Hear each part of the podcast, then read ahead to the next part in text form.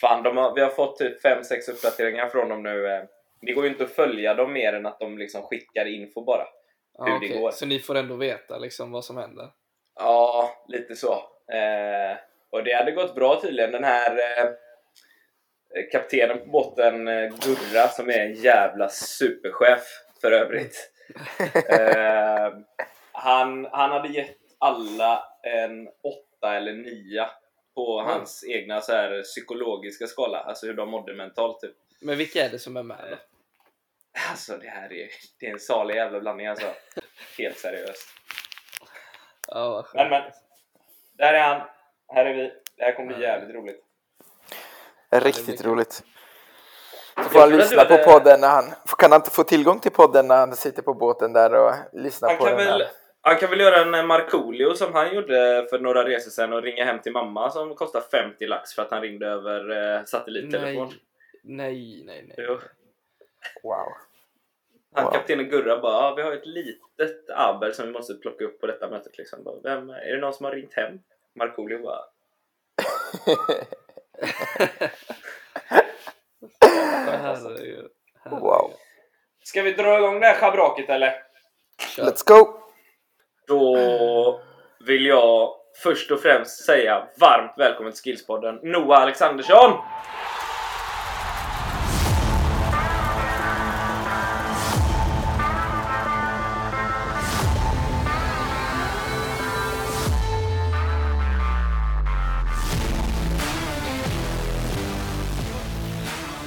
Tack så mycket.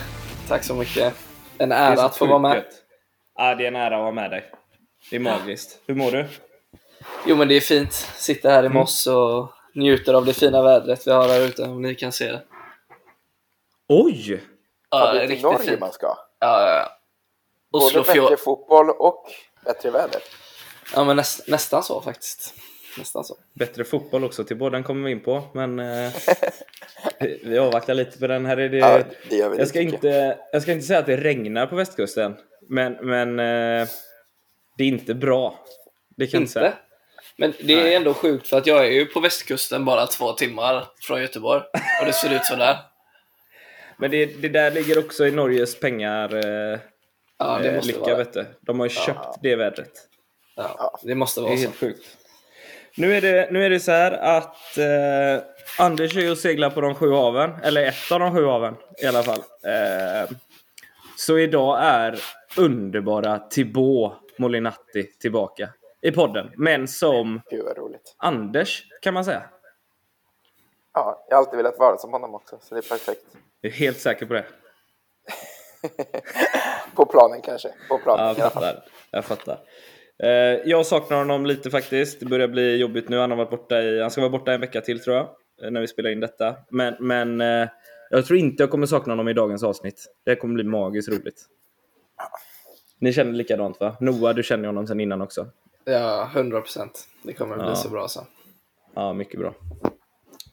Du, eh, kort om dig Noah. Du eh, började, började du lira i Västra Frölunda eller? Eller Ja. började du? Jo, Du det var fra- England. Ja, men jag bodde i England i tre år bara, så det var liksom inget Ja, kollektivt eh, fotbollsspelande där. Eh, så Nej. det blev. Började när jag var ja, runt fem år i eh, Västra Frölunda. Mm. Just det. Eh, trivdes bra där, så jag var ju kvar. Jag var ju där tills jag var 15-16 innan jag tog steget över. Så Mm. det var en lärorik tid faktiskt. Ja, det var det. Du trivdes där? Ja, men för mig så var det nästan perfekt. Eh, Mm. hade, hade kompisarna där samtidigt som att vi var ett lag som kunde mäta oss med liksom alla akademier i Sverige. Eh, Så Mm. jag fick ju liksom det bästa av två världar kan man ju säga. Att både ha fotbollen och som utvecklade mig och få liksom vänner och den biten på köpet. Eh, Mm. Så för mig så har det varit väldigt, eh, ja, väldigt bra. Och Mm. det är ju de vännerna som jag är tajtast med idag också. Eh, Så, Mm. Fan vad fint. så det var bra. Ja men så är det ju. Eh, Mm. Att kunna kombinera det är ju en dröm liksom. Ja, verkligen. Du, eh, Änglagårdsskolan. När började Mm. du där? Jag började i eh, sexan. eh, Okej. började jag. Så jag fick ju sexan, sjuan, åttan, nian med fotbolls, eh, fotbollsinriktning. Mm. Jag fattar. Och vi, vi alla vet ju att du, du hamnade ju i Blåvitt till slut, men, men eh, Änglagårdsskolan är ju lite kopplad till Blåvitt va? Ja, de, de äger ju, jag vet inte exakt hur många procent det är, men de är ju delägare där. Eh, Mm. Samtidigt så är det ju spelare från liksom hela Göteborg och även utanför Göteborg som går där. Så det är ju liksom inte Mm. bara så att det är Blåvitt spelare som går där. Eh, utan det ju, kan ju vara Gaisare, Häcken, Mm. eh, några från Ljungskile vet jag går där nu. Liksom det är Mm. väldigt eh, brett. Eh, Mm. Så vem som helst kan ju egentligen börja. Mm. Fattar. Du sa sexan, sjuan, åttan, nian på Änglagård. Mm. Eh, gick inte du gymnasiet eller? Jag gick gymnasiet. Jag började på Samskolan faktiskt. Ja. Eh, som inte är fotbollsinriktning. Men jag fick dis- dispens att träna morgonpassen med... För det var ju, när jag började gymnasiet gick jag till Blåvitt. Just det. Eh, eller ja, i ett, efter ett tag i ettan så började jag i Blåvitt. Så jag, gick inte, jag spelade inte i Blåvitt när jag började i gymnasiet och därför ville jag inte välja Aspero. För då hade Nej. jag fått träna med ja, folk som kanske inte är lika motiverade på fotboll. Så då kom vi på en lösning att jag skulle... Jag valde Samskolan så jag kunde få dispens och träna morgonpass med Blåvitt då, sen när jag började. Just det. Så du fick den fotbollsträningen ändå? Fast... Exakt. Ja, jag fattar. Fast Jag har inte gick Göteborgs samarbete med, med någon gymnasium. Ja, exakt. Asper och fotbollsgymnasium. Ja.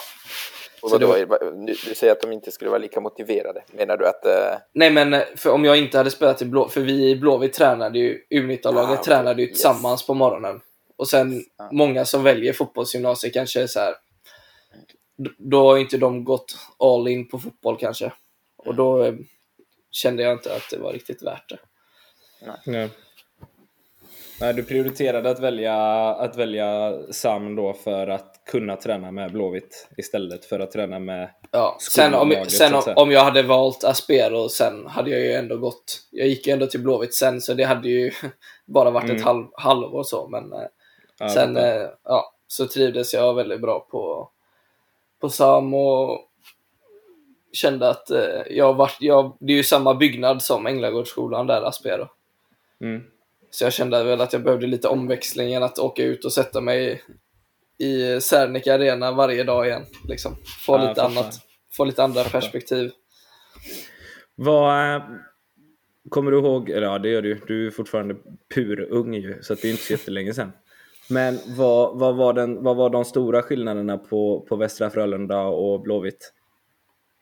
Nej, men det är ju alltså faciliteter och eh, liksom de grejerna att eh, man har ju uppstyrda träningar och att där går det inte att komma liksom och säga nej jag har lite ont i halsen och jag kommer liksom inte. Det var ju lite striktare och man kunde inte ta ledigt på helger liksom om, om man ville det.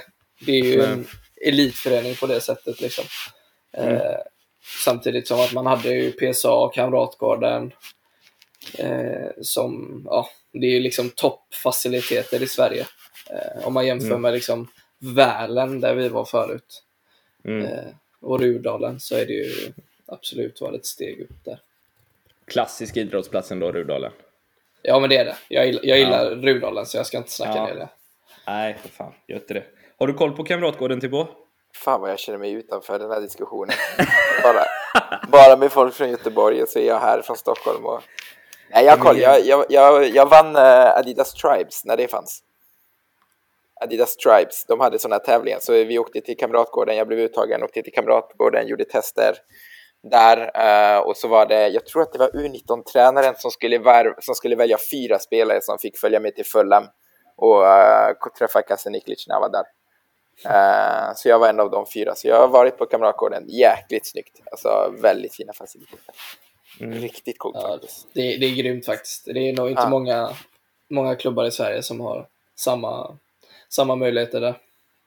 Det är ju en stimulans Nej, för er spelare också. Det är ju det som är så underbart också. När man är ung, eh, alltså yngre och, och, eh, och ska komma upp dit. Det är ju väl en, en stor stimulans. Ja, att ja. komma till något så proffsigt. Ja, det blir ju en boost där när man ja, när vi började träna, när man kommer upp och börjar träna där liksom, så kände man ju sig liksom, man ser A-lagsspelarna här, liksom äta, äta frukost i rummet bredvid liksom. Eh, Det är klart att det är ju en, det är en extra morot då att vara där uppe och få se på allting. Du kände ingen nervositet eller så, eller när du... Utan du, du blev mer sporrad? Nej, alltså menar du när jag gick till IFK eller mer när jag Ja, skulle komma precis. upp i A-laget? Ja, både och egentligen. För du, Eh. du var ju uppe i A-laget ganska snabbt va? Ja, jag hade ett år i U19, ett och ett halvt ungefär. Eh, Mm. Ett, ja, ett och ett halvt år. Eh, Mm. nej, men när jag gick till Blåvitt, det var ju liksom, ah, vad ska jag säga, det var nästan planerat. Det var ju en, det var en process som bara väntade på att skulle få ske liksom. Eh, så den, där blev man ju inte jättenervös liksom eftersom jag var ju där, jag var i områdena, tränade med liksom spelarna som spelade i U19 på skolan till exempel. Eh, Mm. Så det var liksom ingen stor omställning så. Det kändes liksom bara som att det var naturligt. Eh, Mm. Sen, eh, Fan vad skönt. ja, ja, verkligen. Så det blev ju väldigt Mm. så. Jag hade, jag liksom hade några prov, eh, provmatcher med U21-laget och U19-laget innan, så jag, alltså dialogen fanns ju alltid där. Mm.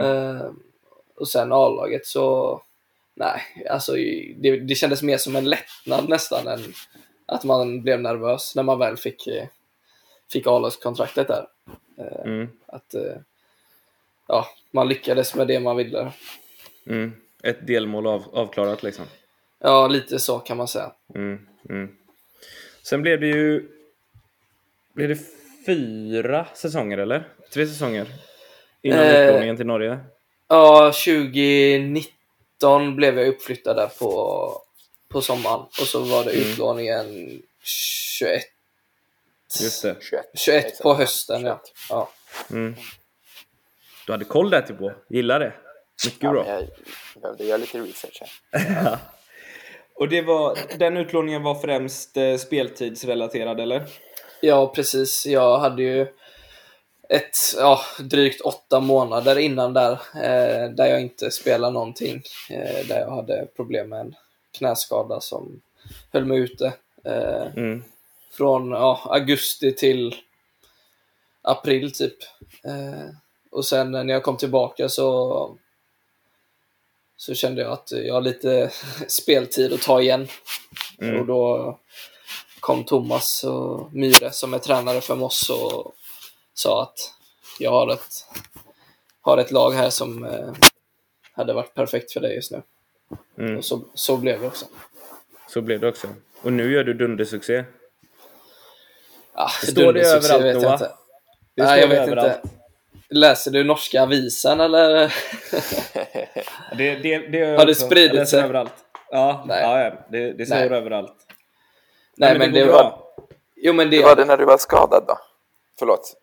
Hur eh, var det när du var skadad alltså i, i Göteborg? Vilka förutsättningar fick du då? Eh, jag tänker att det åtta månader är rätt så länge. Var det Ja. korsbandsskada? nej, det var ju inte det. Det som var var att det var en väldigt oklar, oklar skada. Eh, vi, hade Ja. ju, vi har ju jätte, de hade jättebra sjukgymnaster och läkare och allting i IFK. Liksom. Det är ju Fredrik Larsson som är för landslaget också, så han, Mm. det var väl han som hade koll på det. Liksom. Eh, men jag hade liksom, det var som ett hopparknä. Patellasenan.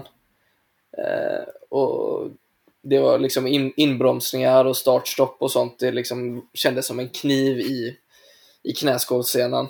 Eh, så då bestämde vi oss att jag ska köra rehab ett tag framöver, men det var liksom inget fast det var ingen fast tid att liksom räkna efter, vilket var lite jobbigt. Att jag fick inga klara besked på att okej, så här lång tid tar det.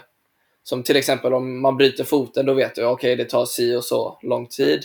Men det här var en skada som det går liksom inte att sätta någon tid. Eh, så jag körde rehab i två månader först. Eh, och sen började jag träna fotboll igen och kände att det har inte hänt någonting. Eh, det gör fortfarande ont.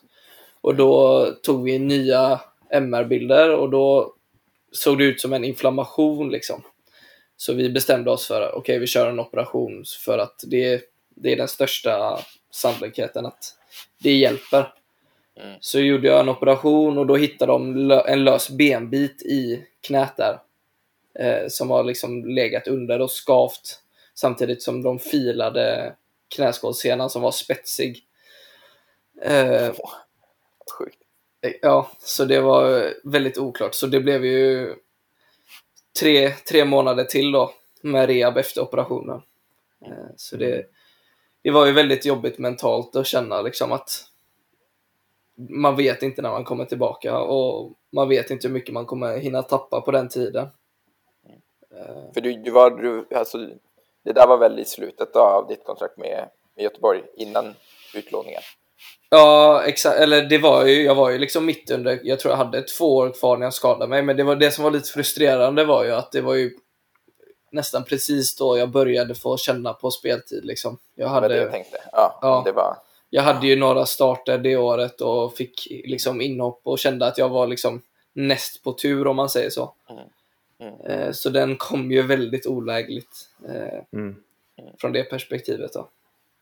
Samtidigt väldigt motiverad då också i att du var inte långt ifrån och du vill bara tillbaka så snabbt som möjligt. Exakt, och då blev det ju extra jobbigt att veta att man vet inte hur lång tid det tar. Nej, exakt. Eh. Ja. när man kände att man var så nära. För då kände man ju sig lite mer stressad på, på det sättet. Mm. Jag fattar. Jag fattar. Men, men eh, om vi går tillbaka till, eh, till eh, Norge där du är nu.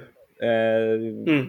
Laget gick ju upp eh, förra säsongen, eller till, och med, till den här säsongen blir det väl? Ja, exakt. Ja. Eh, och nu spelar ni i motsvarande då mot Sverige Superet- division. Superettan. Superettan. Ja. Superettan. Ni var i division 1, ja just det. Ja. Det måste kännas ganska bra ändå. Ni är ett ungt lag ju. Eh, ja, verkligen. Eh, jag tror, när jag kom förra året så det var ju nästan ett helt nytt lag från utlåningen. Eh, Mm. så, och då var, kom massa nya unga spelare och många spelare som är liksom på samma plan i livet om man kan säga så. Unga som vill framåt som kanske inte fått det genombrottet de velat. Eh, så det var ju väldigt, man visste ju liksom inte riktigt hur det skulle bli. För att det, det kan bli både fågel och fisk när man Mm. har så pass många unga spelare som vi hade. Eh, jag läste liksom eh, förhandstips på att ja, men det stod ju typ att eh, ja, men Moss borde ha tillräckligt för att klara sig kvar i serien i alla fall. Mm. Eh, och sen eh, börjar vi serien och vinna vad var det, nio raka matcher. Mm. Eh, och det ge- ger ju ett ungt lag en väldig boost liksom. Mm. Och sen efter det så flöt det ju bara på. Och ja, vi fick spela matcher tillsammans och trivdes väldigt bra som liksom i gruppen. Det var väldigt, väldigt tajt lag. Vi blev väldigt samspelta och tajta både på och utanför plan. Många spelar ju där på samma premisser också. Ja, men det blir ju lite samma så. sak. Mm. Exakt, det blir ju lite så. Och sen har vi många som bor liksom nära. Eftersom Moss är ju inte Mm. världens största stad så eh, till exempel så har jag ju tre killar som bor under mig här. Eh, Mm. I en lägenhet under. Så att Mm. vi, har, vi träffas ju varje dag och samåker till träningar och tränar tillsammans. Eh, Mm. utöver de kollektiva passen. Så det är ju liksom, man växer och blir är liksom tajta på det sättet också. Mm. Fattar. Jag, jag tänker att du, du gick ju från Göteborg då, allsvenskan till Mos, och då var de i division 1 Mm. då. I, eh, i, hur, hur var det? För din prio var ju speltid. Kändes det som, var det ett svårt beslut eller kändes det, var det speltid absolut det viktigaste och därför kändes det väldigt enkelt att ta det beslutet? Hur var det? Just eh, låneperioden var ganska lätt. Eh, Mm. Då kände jag ju bara liksom att det är bara speltid som, som behövs. Liksom. Eh, Mm. Det, det var det viktigaste då. Och. Eftersom Blåvitt då, de, de eh, gick ur u eh, allsvenskan. De hoppade av. Så fanns det ju liksom inga matcher för mig.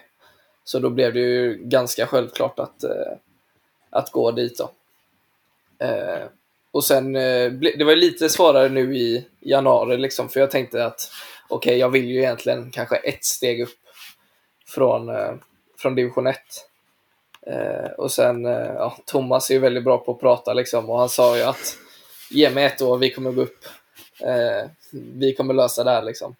Du Mm. får spela varje, du kommer spela varje minut och du kommer vara viktig för oss. Eh, och så kollade jag på alternativen som fanns och då kände jag liksom att jag trivdes väldigt bra just i Moss, och både geografiskt och i klubben. Eh, så jag kände, okej, men jag ger det en chans. Eh, Mm. Och det ångrar jag ju inte idag. Nej. Nej.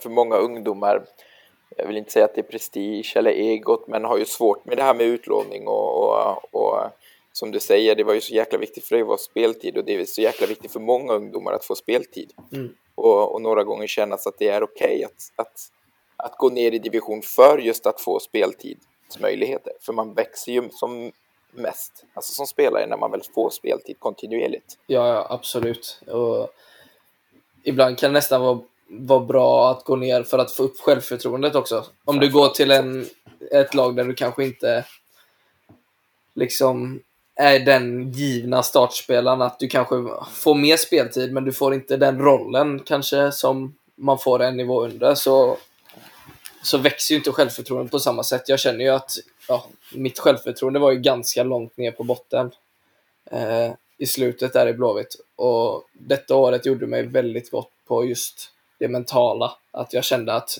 jag, jag är faktiskt rätt, rätt bra. Vilket man Mm. kan tappa ibland när man inte får spela. Och att man hela tiden ja, känner att varje träning och varje match, om jag gör en dålig grej så, så kommer jag inte få speltid. Och det, den Mm. känslan är rätt skön att komma bort från att, att känna att ja, det hela tiden är måsten, måsten. Istället för att bara Mm. njuta av att spela fotboll för att det är kul. Det, var ju ändå Mm. därför, det är ändå därför man spelar, för att Ja, det ska vara roligt liksom. Exakt. Också att, att få eh, utveckla spetsegenskaperna och spela i den rollen som man passar bäst. Det, alltså, får du inte göra det i matchsituationer så, så blir det ju tufft att utveckla det oavsett hur mycket du tränar på det. Ja, Men om du inte absolut. får nyttja det och träna på det och, och så i matchsituationer så blir det svårt att förbättra de spetsegenskaperna. Exakt. Ja, men det är ju Mm. så. Jag har ju nästan en skräddarsydd roll här för mig liksom och få Mm. göra det, det min spets är liksom. Och det, Mm. ja, som sagt, då växer ju självförtroendet också. Fattar. Känner du att du är en bättre fotbollsspelare idag? Men jag känner mig som en mer mogen fotbollsspelare idag. Eh, Mm. Att eh, jag känner att jag... Sen som visst, det är svårt att säga när man, när man spelar på mm, liksom, en nivå under att det är svårt att jämföra så sett. Men eftersom jag är en gladare fotbollsspelare idag så känner jag mig som en bättre fotbollsspelare också. Så jag tror Ja, det då hänger lite, lite samman. Och sen man blir ju äldre också. Och liksom, man lär sig Ja, du mer är och mer 21 hela nu tiden. ska sägas. Ja, jo, jo. Så, så jävla gammal är du inte. Nej, det är Nej, nej, men man Ja. blir ändå äldre för jämfört med när man är 18. Sen, sen tänker jag också, alltså glädjen och, och självförtroendet kommer räcka ganska långt med tanke på de fotbollsspecifika egenskaperna som jag vet att du har. Eh, så räcker det ju absolut för allsvenskan eh, med råge. Och har du självförtroende och, och glädje i det när du spelar så, så växer man ju av att spela med bättre spelare också. Per automatik. Så blir det ju. Absolut. Mm. Och Nice. mognadsprocessen. Alltså man är ju som mest mogen väl som fotbollsspelare när man är väl 25, 26. Ja, låter så rimligt. det är där både kroppen orkar fortfarande lika mycket och det är där man är som mest mogen. Så, Mm. så äh, det är ju perfekt. Att man redan nu börjar tänka på sånt och förstå sånt. Om man inte heter typ Peppe eller Diego Costa eller så, då mognar man fan aldrig. Nej, Vilka jävla grisar alltså. Eller Xhaka för den delen, om man ska ta en parallell till mitt lag. Men, men ja, hur bra. ser du på, nu gick du till eh, Moss i division 1. Eh, räknas inte som en elitklubb eller? Nej, det är ju, jag skulle säga att det är kanske 70% av spelarna som har jobb vid sidan av. Och, Mm. eh, eller plugg. Många kanske Mm. stu- studerar. Eh, Mm. Så det är liksom inte alls samma förutsättningar. Vi tränar på eftermiddagar och, och sådär. Eh, Så Mm. det är absolut inte samma liksom, resurser som det var i IFK. Absolut inte. Eh, sen så går ju allt om man vill. Mm. jag försöker ju, jag som inte har något jobb just nu vid sidan av att liksom, ja, försöka få in två pass om dagen i alla fall. Mm. Nu på försäsongen Fotbollspass eller? Eh, nej, det blir ju mest styrke, gym, gympass. Eh, ibland eh, kanske, om jag får med mig några ut och av de andra killarna på fotbollsplan. Eh, annars Mm. blir det mycket, mycket gym, Mm. gym och så fotbollsfysik. Det finns ingen extern hjälp som du kan eh, få i Moss eller i närheten av Moss eller? Just individuell träning? Nej, alltså det, vi har ju några sådana tränare som eh, man kan fråga ifall, som är i klubben. Eh, men Mm. de jobbar ju också på dagtid. Eh, de är inte Mm. heltidsanställda. Nej. Eh, så det, det är ju lite, lite svårt så sett. Mm. Men eh, ja, det, det funkar ändå bra tycker jag. Mm. Fattar. Nu ska vi inte kanske prata om, eh, om kontraktet med Moss och sådär, men, men vad, är, vad är målet? Alltså har du någon liksom... Vart ska du vara inom fem år? Typ. Vad är, vad är tanken? Drömmen?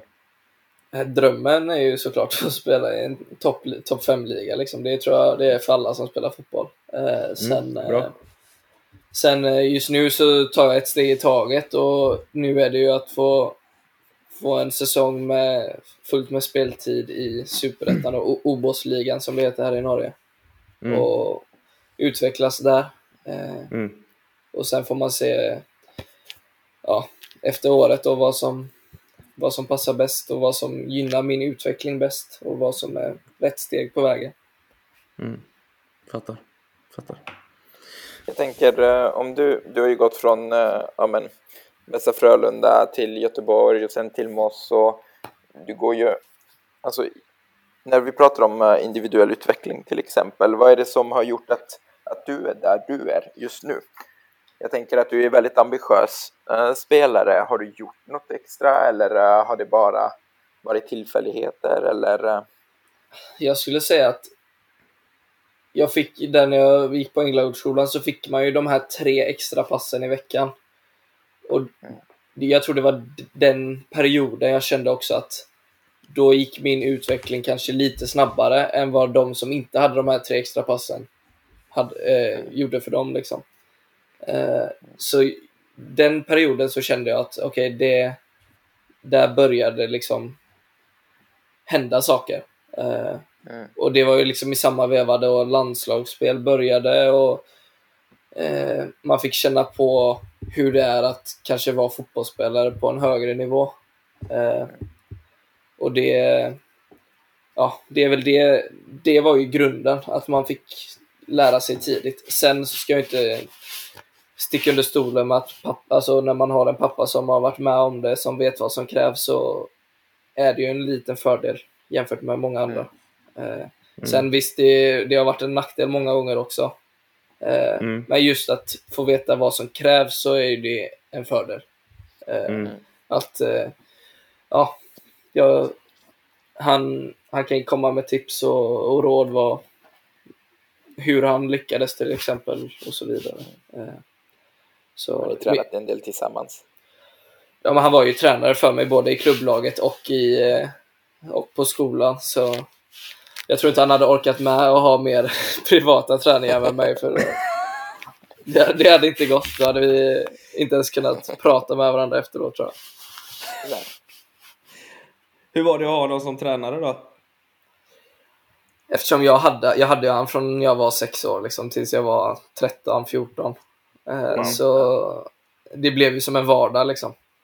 Mm. Eh, och samtidigt som jag visste att det är väl den bästa tränaren jag kan ha Mm. på det, just det tillfället när man är ung. Eh, det är inte många, många f- sju, åttaåriga killar som får liksom, träning av en landslagsspelare. Liksom. Eh, Nej. så jag kände väl bara att det var, det var helt normalt. Liksom. Och för er andra som lyssnar nu som är lite på Tibos nivå och har dålig koll på svenska spelare så är det alltså Niklas Alexandersson som är Noahs farsa som vi pratar om. Eller hur Tibo? Jag hade koll ju. Ja, Ja. gud ja. Och du hade Jag stenkoll. har stalkat hela hans profil. Exakt. Nej, men vad roligt. vi- Ja, kör Tubo. Ja, men jag bara var intresserad. Där. Vi, eh, vi som sagt fokuserar väldigt mycket på det här extra träningen och, och, och, och en, ja, det extra arbete man lägger ut, utöver lagträningar. Och, och jag vet att när man är där uppe i toppen med så kanske man tränar två gånger per dag med Göteborg och, och, och, och har de förutsättningarna man behöver. Men sen när man väl kanske ja, men går till, till, um, till Moss då, eh, och kanske inte tränar lika mycket Eh, då gissar jag på att man var mer villig att lägga ner det extra arbetet eh, också för att fortsätta utvecklas. Ja, men så blir det ju. Att, du vet ju hur du har tränat i, ja, kanske i fem år nu innan. Liksom. Du vet vad du har fått för träning och vad, som, vad din kropp svarar bäst på. Så du har ju, du har ju fått bättre koll på att lära känna din kropp och Mm. lära känna hur man ska träna för att ja, optimera sin prestation. Liksom. De här tre extrapassen som du pratade om, eh, som du fick eh, i ung ålder. Var det någon av de träningarna som var fokus på individuell utveckling? På dig som spelare? Det, vi, det, det som fanns då på Änglagård, det var de, vi jobbade ju med moment, momentträningar. Mm. Så då hade man ju i två veckor så jobbade man, säg, halvvolleyskott. Och sen Mm. eh, kommer det två veckor där det är passning med uts, utsida eller insida. Så det, blir ju liksom en individuell träning fast i grupp då. Mm. Eh, så det är ju lite Mm. på det sättet. Sen, eh, alltså nästan den enda individuella träningen som, som man har haft är ju den träningen när man var ute och lekte med polarna liksom. När man på somrarna när man cyklade ut till eh, konstgräsplanen och bara körde liksom. Spelade match från, eh, ja, tills det blev mörkt liksom. Mm. Det är väl den bästa träningen. Ja men det tror jag Det är med. Ja, Det tror jag med. både för självförtroendet och glädje och att man Leka med vågar helt bollen. plötsligt leka med bollen, att Ja. man vågar göra saker som man absolut inte gör annars. Exakt. Mm. Och Det- att det kommer naturligt. Det är liksom, Exakt. du gör, du gör det kroppen säger till dig. Inte kanske att du är så bestämt på ett sätt. Sen tror jag båda delar är bra. Mm. Tänk dig i, i säg Brasilien då, varför så många är så otroligt skickliga med boll. Det är ju det de gör på dagarna. De är alltid ute på gatorna och spelar fotboll. Eh, här i Sverige så har vi kanske inte samma kultur och samma mentalitet framförallt. Och vi bor i ett land där det är sex månaders snö och, och Mm. kaos och inte tillgång till planer och, och, och med mera. Så det, det är ju såklart mycket svårare. Men eh, det är ju det man vill göra lite mer utav det här spontana. Fan, sex månader var en fransk överdrift, eller? Har du sett snö i Sverige i sex månader någon? Jag har sett det i fyra dagar den här vintern, vilket har varit lyxigt. Men fortfarande jätteproblematiskt med planer och, och Ja, det det. isiga planer. Och, Vi hade, tillgång vi hade internmatch nu i, i helgen. Förra Ja. helgen. Minus sju var det. Och då kom eh, tränaren på den bra idén att vi kör matchställ idag. Så det blev Ja. ju shor- shorts och tisha liksom. Ja, för fan vad Underbart. Det räcker för mig. Åtminstone så vet man att ni kommer springa. Ja, exakt. Jag, Ja. Det kändes som jag kunde springa tre halvlekar. Ja, fy fan vad gött. Men, men finns, det, finns det någonting du saknade i, i, eh, i din egna fotbollsutveckling till idag, så att säga? Ja, så det finns ju säkert massa man kan peka på som, som man hade liksom velat ha eller kunnat göra annorlunda. Liksom. Eh, Mm. för mig är det väl kanske just steget från junior till seniorspelare i Sverige är väldigt... Det är väldigt långt däremellan. Mm. Utan, och det finns liksom inga hjälp på vägen. Nej. Eh, till exempel det här jag sa Har du med någon gång- serien Ja, precis. Fortsätt. Ja, men till exempel det här med u serien och när jag, skrev, jag skrev ju på A-lagskontrakt som 17-åring. Eh, Mm. och då är man ju, som 17-åring är ju kanske inte, ja de flesta är väl kanske inte helt redo att spela 30 matcher i Allsvenskan.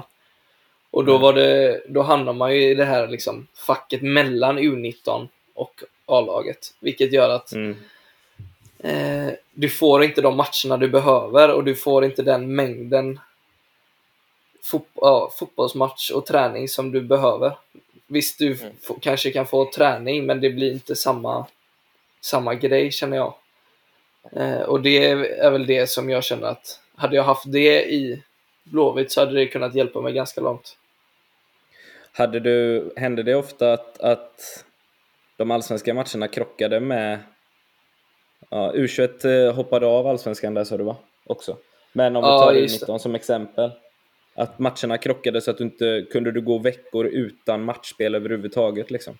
Ja, det är absolut. Det, och ofta blev det, eftersom de behövde ju ha spelare på bänken, eh, Blåvitt, så blev det att man fick åka med och sätta sig där. Eh, och så hade U19 kanske match samma dag eller dagen efter och så kanske vi har varit på bortamatch. Så det kanske funkade någon gång här och där, men det var inte ofta. När det var oftare att du blev utan match helt och hållet Ja, istället. ja, det blev ju så. Visst, det fanns ju vissa u matcher ibland, men det var inte alltid. Och då fick, du, då fick du också samma träningsupplevelse som de som, som de som spelade matcher, det vill säga återhämtningsträning och vila och det där också eller? Ja, eller oftast dagen efter match så är det ju de som inte har spelat har ju en lite hårdare träning då. Mm. Så det, Ja, det delades det, ändå upp så. Ja, så är det ju. Ja. Hur var kommunikationen från tränaren då? Och, och kände du dig isolerad? Hur, hur, fanns det alltid en kontinuerlig diskussion med tränaren just om speltid och, och din? Jag hade ju tre olika tränare i, i Göteborg, så det var ju väldigt, Mm. eh, väldigt svårt att liksom jämföra hur det var exakt. Första året när jag kom upp med Poja så kände jag ju liksom att då var jag ändå, då satt jag med på bänken och hoppade in och det är ju mer att se och lära år tänkte jag. Eh, och då Mm. gjorde det inte egentligen så mycket att det kanske inte fanns exakt de matcherna jag behövde där och då. Eh, men sen, ja det var, blev väl året efter som jag kände att jag hamnade lite mitt emellan. Och, eh, och då, ja, det är alltid svårt att liksom säga, som, eller som tränare, liksom att veta hur de tänker och den dialogen där. Eh, sen i slutet Mm. så kände jag väl att det var där, då gick kanske min droppe att jag kände väl att jag fick höra att ja, om du fortsätter så kommer chansen, men så kommer inte chansen. Eh, och då kände jag väl att jag måste göra något, ny, något nytt liksom. Jag måste, ja, jag måste ändra på någonting. Och det Mm. var ju då utlåningen kom. Fattar. Fattar. Men jag tycker absolut rent generellt i, i Sverige att man kan ha en tydligare dialog med unga spelare och en tydligare plan på hur man ska få in dem i matchspel. Eh, Mm. om det är samarbetsklubbar man kan få låna ut. Jag vet Elfsborg och Skövde har ju haft, eh, haft sådana samarbeten där man kan låna spelare och ändå få träning med, Mm. med Elfsborg. Eh, Mm. så sådana lösningar tycker jag ja, man borde se på mer efter i Sverige. Som i Allt Norge som här till exempel. svenska unga. Ja men absolut.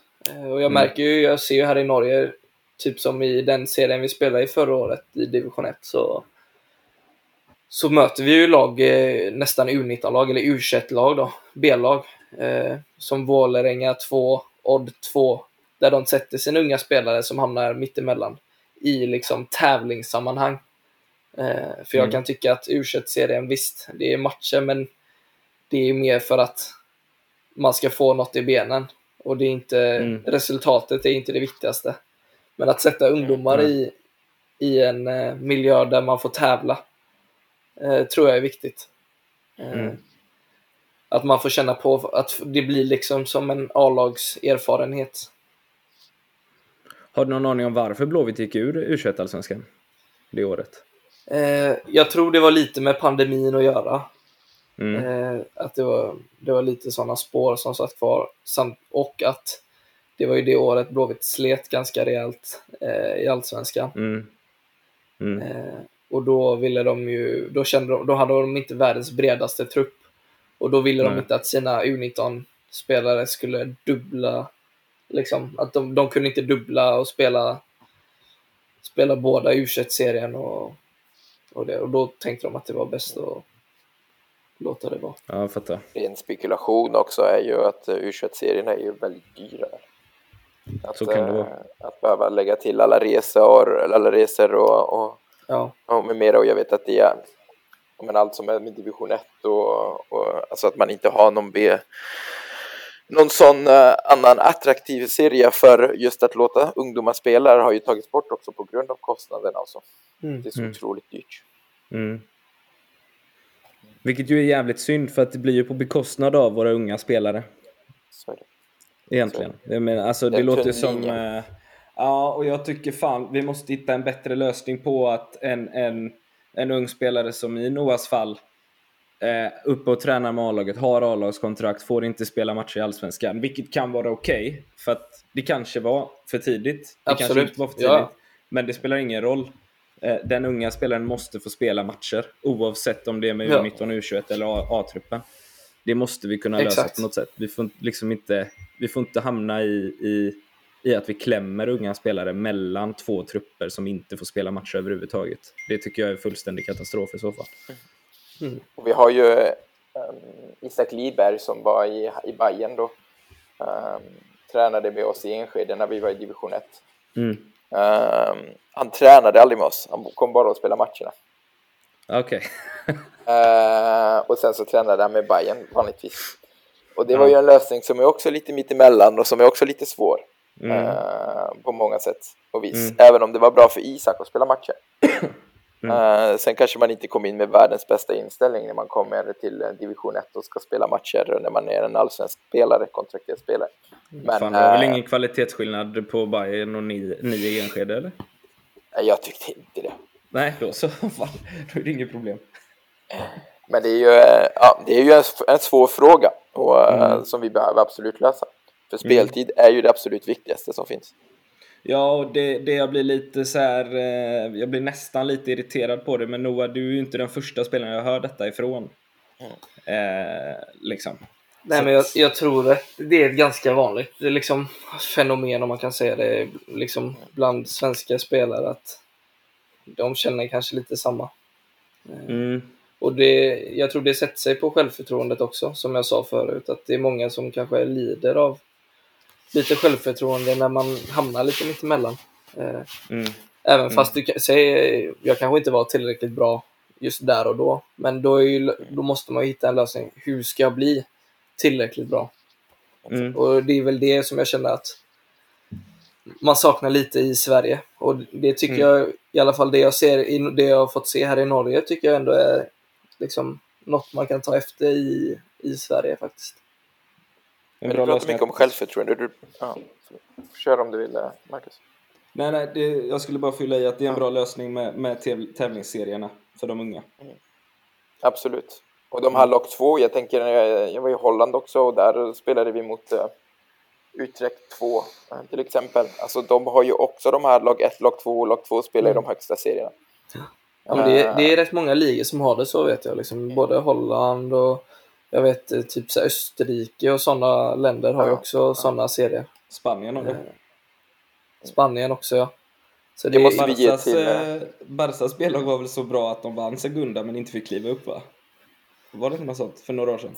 Ja, Eller att mycket de var på möjligt. väg att Mycket vinna möjligt. så började Ja, de exakt. diskutera så här bara fan kan Barca ha två lag i högsta serien? Exakt. Ah, Får börja liksom. förlora, förlora med flit liksom.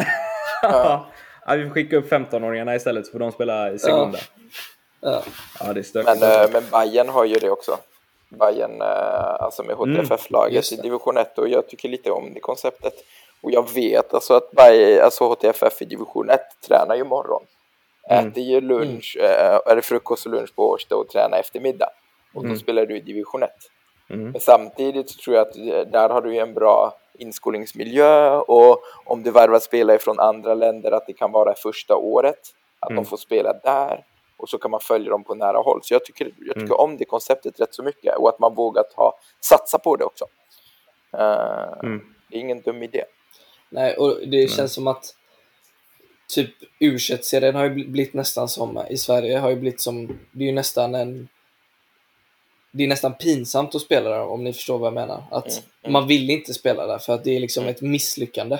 Men de här andra, att få liksom spela i tävlingssammanhang, då, då det känns inte som att de andra länderna har det riktigt. att Det känns inte som att spelare tycker det är tråkigt att spela där.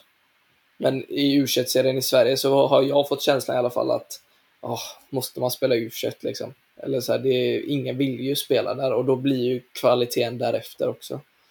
Mm. Absolut. Du pratar mycket om självförtroende. Hur viktigt... Hur, hur, vad tycker du om det? Hur viktigt är just den mentala delen? Alltså jag, skulle, jag skulle nästan säga att det, det är det viktigaste. Mm. Alltså att en spelare utan självförtroende, alltså du kan vara en hur bra spelare som helst, men med självförtroende så kan du bli medioker. Och som en medioker spelare med riktigt bra självförtroende så kan du bli en bra spelare. Mm. Så för, och utifrån egna, e, egna erfarenheter så känner jag ju själv skillnaden på när jag är, har, har ett bra psyke och har bra självförtroende, då känner jag mig som en annorlunda spelare och då vågar jag liksom göra saker jag är bra på. Eh, och jag kände ju själv när jag var uppe i A-laget och fick chanserna i Blåvitt att mitt självförtroende var ju inte alls bra och jag, jag var mer rädd för att misslyckas än att lyckas. Eh, så de chanserna jag fick så var det mer att okej, okay, gör inte bort det nu, för då kommer du inte få spela igen. Mm. mm. Det är sjukt. Och, det, och den och inställningen hur, kommer man inte långt med. Alltså det, mm. det är liksom inte... Det är inte så det ska vara. Man ska hela tiden... Man märker ju också på de spelarna som har självförtroende att det kanske går lite snabbare för dem. Mm. Ja, utan tvekan. Ja. Och vad um, tycker du att där det har saknats Alltså det har saknats i din fotbollsutveckling, just den delen och, och, och, träning inom den delen också. Alltså träning, jag tror det är ganska svårt att liksom ha ett så kollektivt träning på det eftersom alla spelare är ju så olika och alla kommer ju från egna erfarenheter och från olika ställen. Eh, visst, eh, det, som jag sa förut, det var en fördel att ha en pappa som spelar fotboll eh, med många saker, men det är också rent mentalt så blir det ju en nackdel. Eh, jag får hela, jag hela, man jämför sig hela tiden, även fast man säger i alla intervjuer, visst, nej, det, det, jag är min egna person och bla bla bla bla bla. Så sätter ju sig alla de här frågorna man får, mm. liksom, det är undermedvetet. Så att mm. hela om jag som 17-åring kommer upp i Blåvitt och inte gör en bra match, då jämför ju, jäm, eller om jag gör en okej okay match, då jämför ju jag mig med pappa när han var som bäst i Blåvitt och det vet jag att andra gör också. Mm. Säg om jag kom upp som 17-åring och då är det så här, ah, okej okay, men han är ju fortfarande inte lika bra som farsan, även fast jag som 17-åring fick speltid i Allsvenskan. Mm. Och det sätter, det sätter sig mentalt och, och då känner man hela tiden att man är mer rädd för att misslyckas än att eh, än att lyckas. Och det var därför en av anledningarna att jag ville till Norge var att då kunde jag få vara min egna liksom, person utan att folk vet riktigt vem farsan är. Eh, mm. Då var jag mer en ung talang som var bra på fotboll. Mm. Och det var rätt skönt att få, få känna det. Mm. Eh, jag kommer ihåg en, det var någon match som vi sände på, de sände matchen och så satt pappa och kollade på på datorn och streamar den liksom. Och då så säger de liksom ah, Noah Alexandersson, han har en pappa som har spelat i Premier League. David Alexandersson. Så de, var liksom, de vet inte ens vem det är, de har ju bara fått det läst för sig. Ja. Så det, det, var ju lite roligt, det var en liten rolig historia faktiskt. Ja. David Alexandersson. Ja. Och jobbar ni lite med det nu då, den mentala delen? Har ni de resurserna i, vi har, i Moss? Vi har faktiskt en eh, psykolog i, i Moss Eh, även fast eh, vi inte är den största klubben så är det något som vår tränare har tyckt har varit eh, viktigt. Mm. Så vi har haft en psykolog som man har kunnat gå till ifall man velat. Mm. Coolt. Mycket bra. Jag tror den, den, den idrottspsykologiska delen blir allt viktigare. Ja, och speciellt nu med alla sociala medier och det är lättare att få till sig liksom mm. både kritik och beröm liksom. Det är mycket mm. som kan sätta sig i skallarna liksom. Eh, så Har du fått mycket säger. kritik? Mm.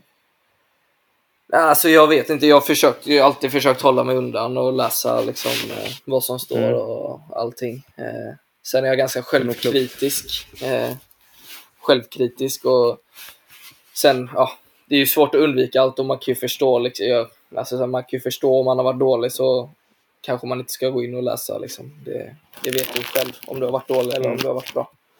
Mm. Eh. Absolut. Lite, lite som du säger också att man sociala medier och du jämför dig med din, med din, eh, med din pappa och men spelarna jämför sig jättemycket nu på det de ser på sociala medier när man ser en spelare som gör rainbow flick mm. och drar ett halvvolley rakt upp i krysset och säger Exakt. man där behöver jag komma om jag vill komma dit. Ja. Mm. Och att man jämför sig och det, det skapar ju mycket prestationsångest och, uh, och, och, problem i den psykologiska delen. Uh, och just därför vikten av att träna på det. Ja. Mm. Det är ju absolut viktigaste nu. Ja. Men nu handlar det ju mer om att man ska kunna prestera även fast man kan ha negativa känslor. Eh, och det är inget fel att ha det, för det är ju naturligt, det kommer. Så istället mm. för att förtränga negativa känslor så handlar det om att kunna prestera med dem. Mm. Att lära sig samarbeta med sina dåliga känslor. Att du kan mm. vara nervös och känna dig, känna dig liksom dålig, men att du fortfarande kan göra bra prestationer av det. Det tror jag är det mm. viktigaste. Att man ska lära sig ja. hantera. Ja, det är helt rätt nu. Ja. Tankar, känslor och beteende. Kopplade till varandra. Det, gör, eh, det är det som styr oss. Du ja, kan lite sånt här Tibbo va? Ja, jag älskar sånt här. Ja. Verkligen älskar det. Jag tycker att det är, eh, vi lägger absolut för lite resurser på det. Det är mm. som, som Noah säger, det är ju troligtvis bland det viktigaste för en fotbollsspelare. Att mm. jobba med den mentala delen och fortfarande så, så jobbar vi ju ingenting på det. Och du tränar ju fotboll fem dagar i veckan mm. uh, och nötar på exakt samma saker fem dagar i veckan och fortfarande så är du inte mästare på alla moment. Uh, hur ska du förvänta dig att en spelare kan hantera den psykologiska delen om du aldrig tränar på det? Mm.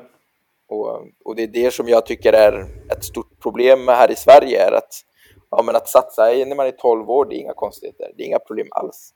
Satsa när man är 10 år, det är inga problem heller.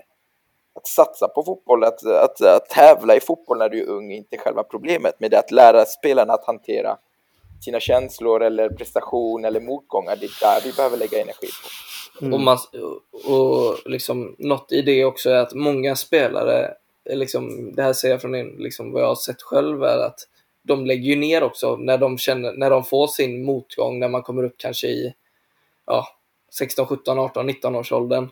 När de mm. känner mm. att nu har jag, nu har jag liksom tappat det mentalt och då lägger man ner det liksom hela karriären istället för att ja, visst kanske ta hjälp eller att det ska finnas hjälp att få.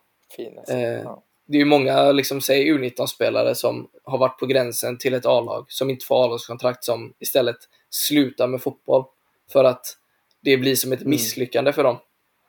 Mm. Eh, och det tycker jag också är viktigt att jobba bort. Just det, att man kan få, få hjälp där. Eh, mm. Och även att man ska våga ta hjälp. Att det inte ska bli Exakt. Liksom en synd att... Det får inte vara tabubelagt. Nej, exakt. Det ska inte vara fel att gå till en psykolog eller att eh, få hjälp eh, med sådana aspekter. Nej, vi, vi, vi pratade ju med Berang Safari här för eh, ett par veckor sedan. Eh, ett avsnitt som släpptes förra måndagen tror jag, eller i måndags. Eh, och han var ju också en väldigt nervös fotbollsspelare. Eh, mm. Men han tog ju hjälp på egen hand efter tips ifrån lagkamrater tror jag. När han kom till Basel. Mm. Eh, som så, gå till den här killen och, och snacka med honom. Eh, visst, nu fick han pröjsa ganska mycket pengar för det, men, men om man bortser från den ekonomiska delen i, i vad han la ner på det och vad han investerade, så investerade han fortfarande i sig själv. Och han mm. blev en bättre fotbollsspelare av det, eh, för nervositeten släppte. Ja. Så att, eh, ta hjälp av någon och det är fan kudos till Moss FK i Norge i motsvarande superettan som har en fotbollspsykolog i klubben. Ja. Det tror jag inte många superettan-klubbar har i Sverige alltså. Nej, och vi har ju ett ansvar. Vi har ett ansvar, alltså om du säger nu att ja, men, du bedriver en förening för att, eh, för att utbilda unga och barn att, ja, men, inom den idrotten och, och, och även som människor så har vi ju ett ansvar. Mm. Och eh, om vi vet att den psykologiska delen är så viktigt, då behöver vi ta det ansvaret och kunna erbjuda det. Mm. mm. Och det kanske känns som en svårighet nu, eller det kanske känns inte som en prioritering, men det är en prioritering. Mm. Eftersom att vi vet att den, den delen, den aspekten, den mentala delen är så viktigt. Mm. Så vi, det är ju bara att, att sätta igång med det. Mm. Så enkelt ska det vara. Mm. Så får vi Exakt. learn by doing. Exakt. Magiskt gubbar. Eh, en sista grej bara. Du och jag, Noah, snackade lite igår. Eh, du har även mm. gjort ungdomslandskamper och sådär också ju. Eh, du har varit bra från att du var liten pojkspoling bara, kan man ju säga. Men, men vi pratade lite om när ni mötte England. Ja. Vi pratade om skillnaderna på, på eh, ja, då, just då var det ju Sverige kontra England och spelarutveckling och, och talanger och sådär. Då mötte du bland annat Bukayo Saka. Ja. Hur var det?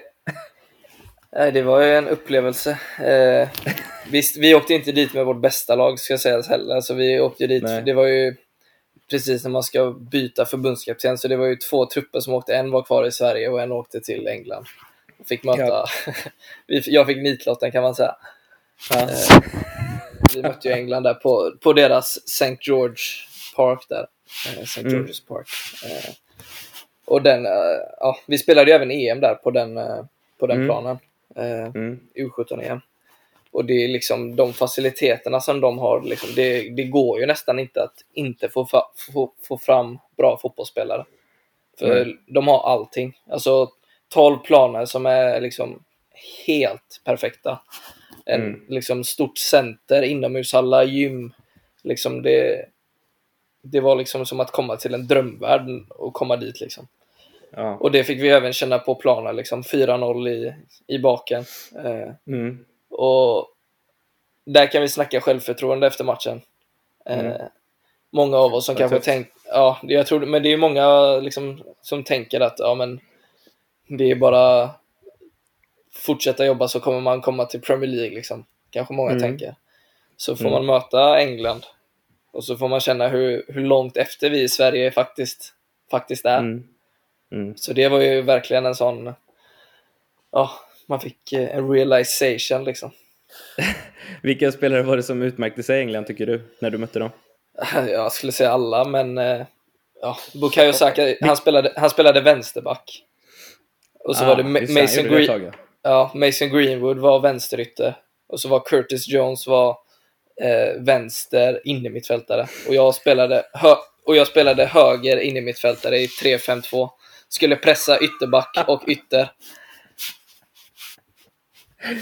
Var det kämpigt? Ja, skojar inte alltså.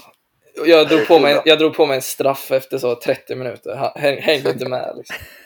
Du tröttnade och så sparkade du ner någon, erkänn bara. Ja, ja men vi gick, vi, gick in med, vi gick in med inställningen så här, okej, okay, vi ska in och ge dem en fight liksom. Men det mm. var liksom, jag kände efter första tre minuterna hade jag tre glidtacklingar och jag träffade inte ens en av dem. För att de hade redan sprungit förbi oss liksom. Ja, jag fattar. Jag fattar. Nej, så det, det var verkligen en så speciell wake-up call. Ja, wake call, speciell upplevelse att få känna på. Hade Anders varit med nu så kan jag, jag kan prata för honom. Han är ju Liverpool-fan. Eh, och det har han ju faktiskt erkänt nu. Han är inte objektiv längre. Eh, men hade han fått bestämma så hade ju Curtis Jones inte ens varit kvar på de brittiska öarna tror jag. Så han tycker ju inte att Curtis ja. Jones håller. Framförallt nej, inte för Premier, för, Premier, League eller Liverpool. Nej, och det, jag har hört många som, säger, de, många som säger det också och då tänker jag bara mm. liksom... Hur bra han var då? Han, han, jag skulle säga att han var bäst kanske över den matchen. Mm. Han, gjorde, han gjorde elastikos höger, vänster och liksom överstegsfinter felvänd på egen planhalva bara som ingenting. Men han kanske, var han kanske gjorde sin bästa match i livet den matchen. Ja. Alltså, och du jo, ska kanske. inte vara bäst när du är 17, 18, 19. Ja, men har man nummer 10 i Englands ungdomslandslag så har man ju ändå några kvaliteter tänker jag. Ja. Det hade fan du också kunnat ta Noah. Så ja. jävla bra är inte. Jävla skitänglar. Men eh, det kanske det också har lite med det mentala att göra. Curtis Jones. Mm. Han, var ju, mm. han var ju väldigt hypad som ung. Och mm. har inte riktigt fått den eh, liksom, utvecklingen som kanske många förväntar sig. kanske Mm. är svårt för honom att hantera sen hur när han kanske inte är lika Dominant. dominant och när han har eh, spelare som Saka och, och vad, heter, vad heter de, Anthony Gordon och sådana Mm. spelare som liksom får spela vecka in och vecka ut i andra lag. Mm, ja, den är ju kämpig och det, han har också spelat i ett lag som har gått ganska bra de senaste åren får man ju säga och har haft ett ganska starkt in i mitt fält. Absolut, absolut. Eh, den är ju tuff att slå sig in på, Ja. eh, helt klart. absolut. Men eh, jag tror att programtiden är slut om ni inte har någonting mer att eh, tillägga. Eh, det, känns som man kan det känns som man kan prata i två timmar om det här. Alltså. Alltså det kan vi ju. Det kan vi. Och, eh, Kör, kör ett vi- fem timmar långt avsnitt. Ja, gärna. Köra som Niva-produktion med del Ja. 1, del 2, del 3. Det hade varit något. Ja. Ja, men, eh, grymt roligt att, att prata med dig lite Noah. Och, och Detsamma, detsamma. Kul, att vara med, faktiskt. Ja, jävligt roligt att du var med. Och sjukt skönt och sjukt kul att höra utvecklingen i Norge.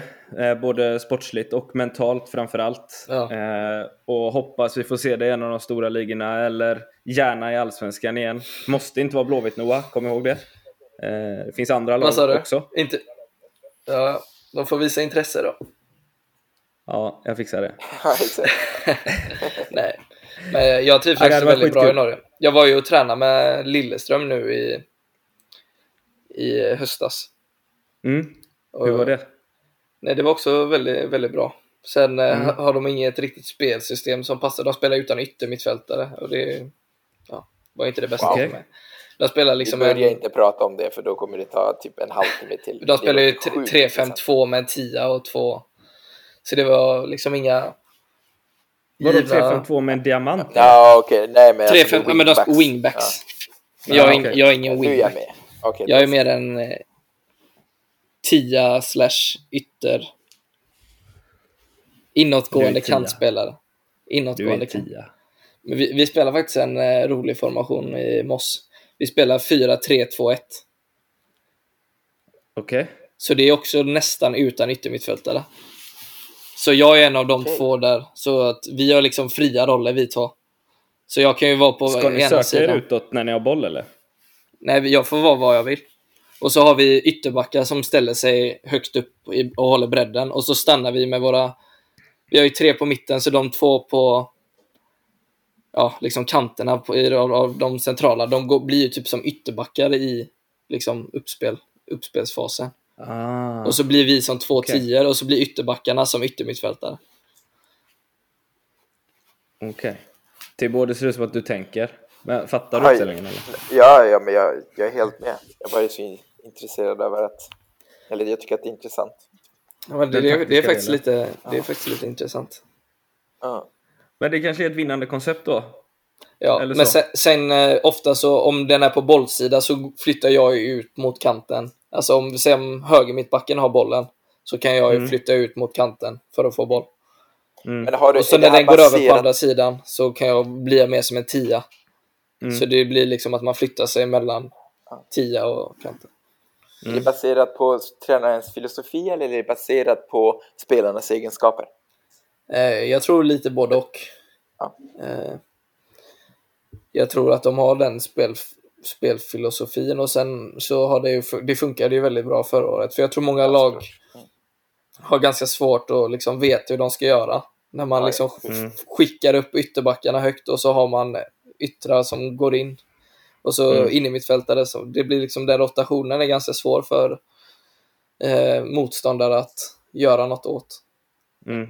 Eh, sen så måste man ju ändå vara lite individuellt skicklig. För jag märkte ju det, vi, när, man inte, när vi inte var vårt bästa liksom, på dagen liksom, individuellt så, så slet vi lite. Eftersom det handlar Mm. mycket om att man måste hitta de fria ytorna själva. Ja, Men, lite eh, speluppfattning. Ja, på planen. det blir det är därför så. jag undrar om det var mer baserat på er spelare och Ja. baserat på era egenskaper. För det låter ju väldigt svårt också. Ja. Blir, det åtta, blir det åtta mål Ja. förra säsongen Noah, eller? Mm, ja, åtta eller nio, jag vet inte. Och lika Ja. många assist tror jag. Det är ju fan skitbra ju. Ja. ja, men jag gjorde ju inte de här målen jag ville. Det var ju liksom två hörnmål rätt i mål, två frisparkar, ett mål från 80 meter, ett mål där jag drev från egen planhalva och så ett tap-in. Så det är, alltså, så här, jag, vill, jag vill ju bara göra de här, du vet, man spelar sig fri och så placerar man den i mm. hörnet liksom. Jag mm. gjorde inga enkla mål. Och det stör mig lite på faktiskt. För jag kommer inte kunna... Också. Jo, men jag kommer inte kunna skruva in hörner i den här ligan liksom. Ja, du har gjort det. Eller ja. Jo, men det är för att målvakt, men det är för att målvakten i den här serien når inte upp till ribban liksom. Ja, det blir, det blir spännande att följa dig här alltså. Ja, det blir sjukt spännande faktiskt. Noah. Jävligt kul att du var med. Stort tack för idag boys. Tack. Vi hörs. Ciao. Ciao. Ciao. Ciao.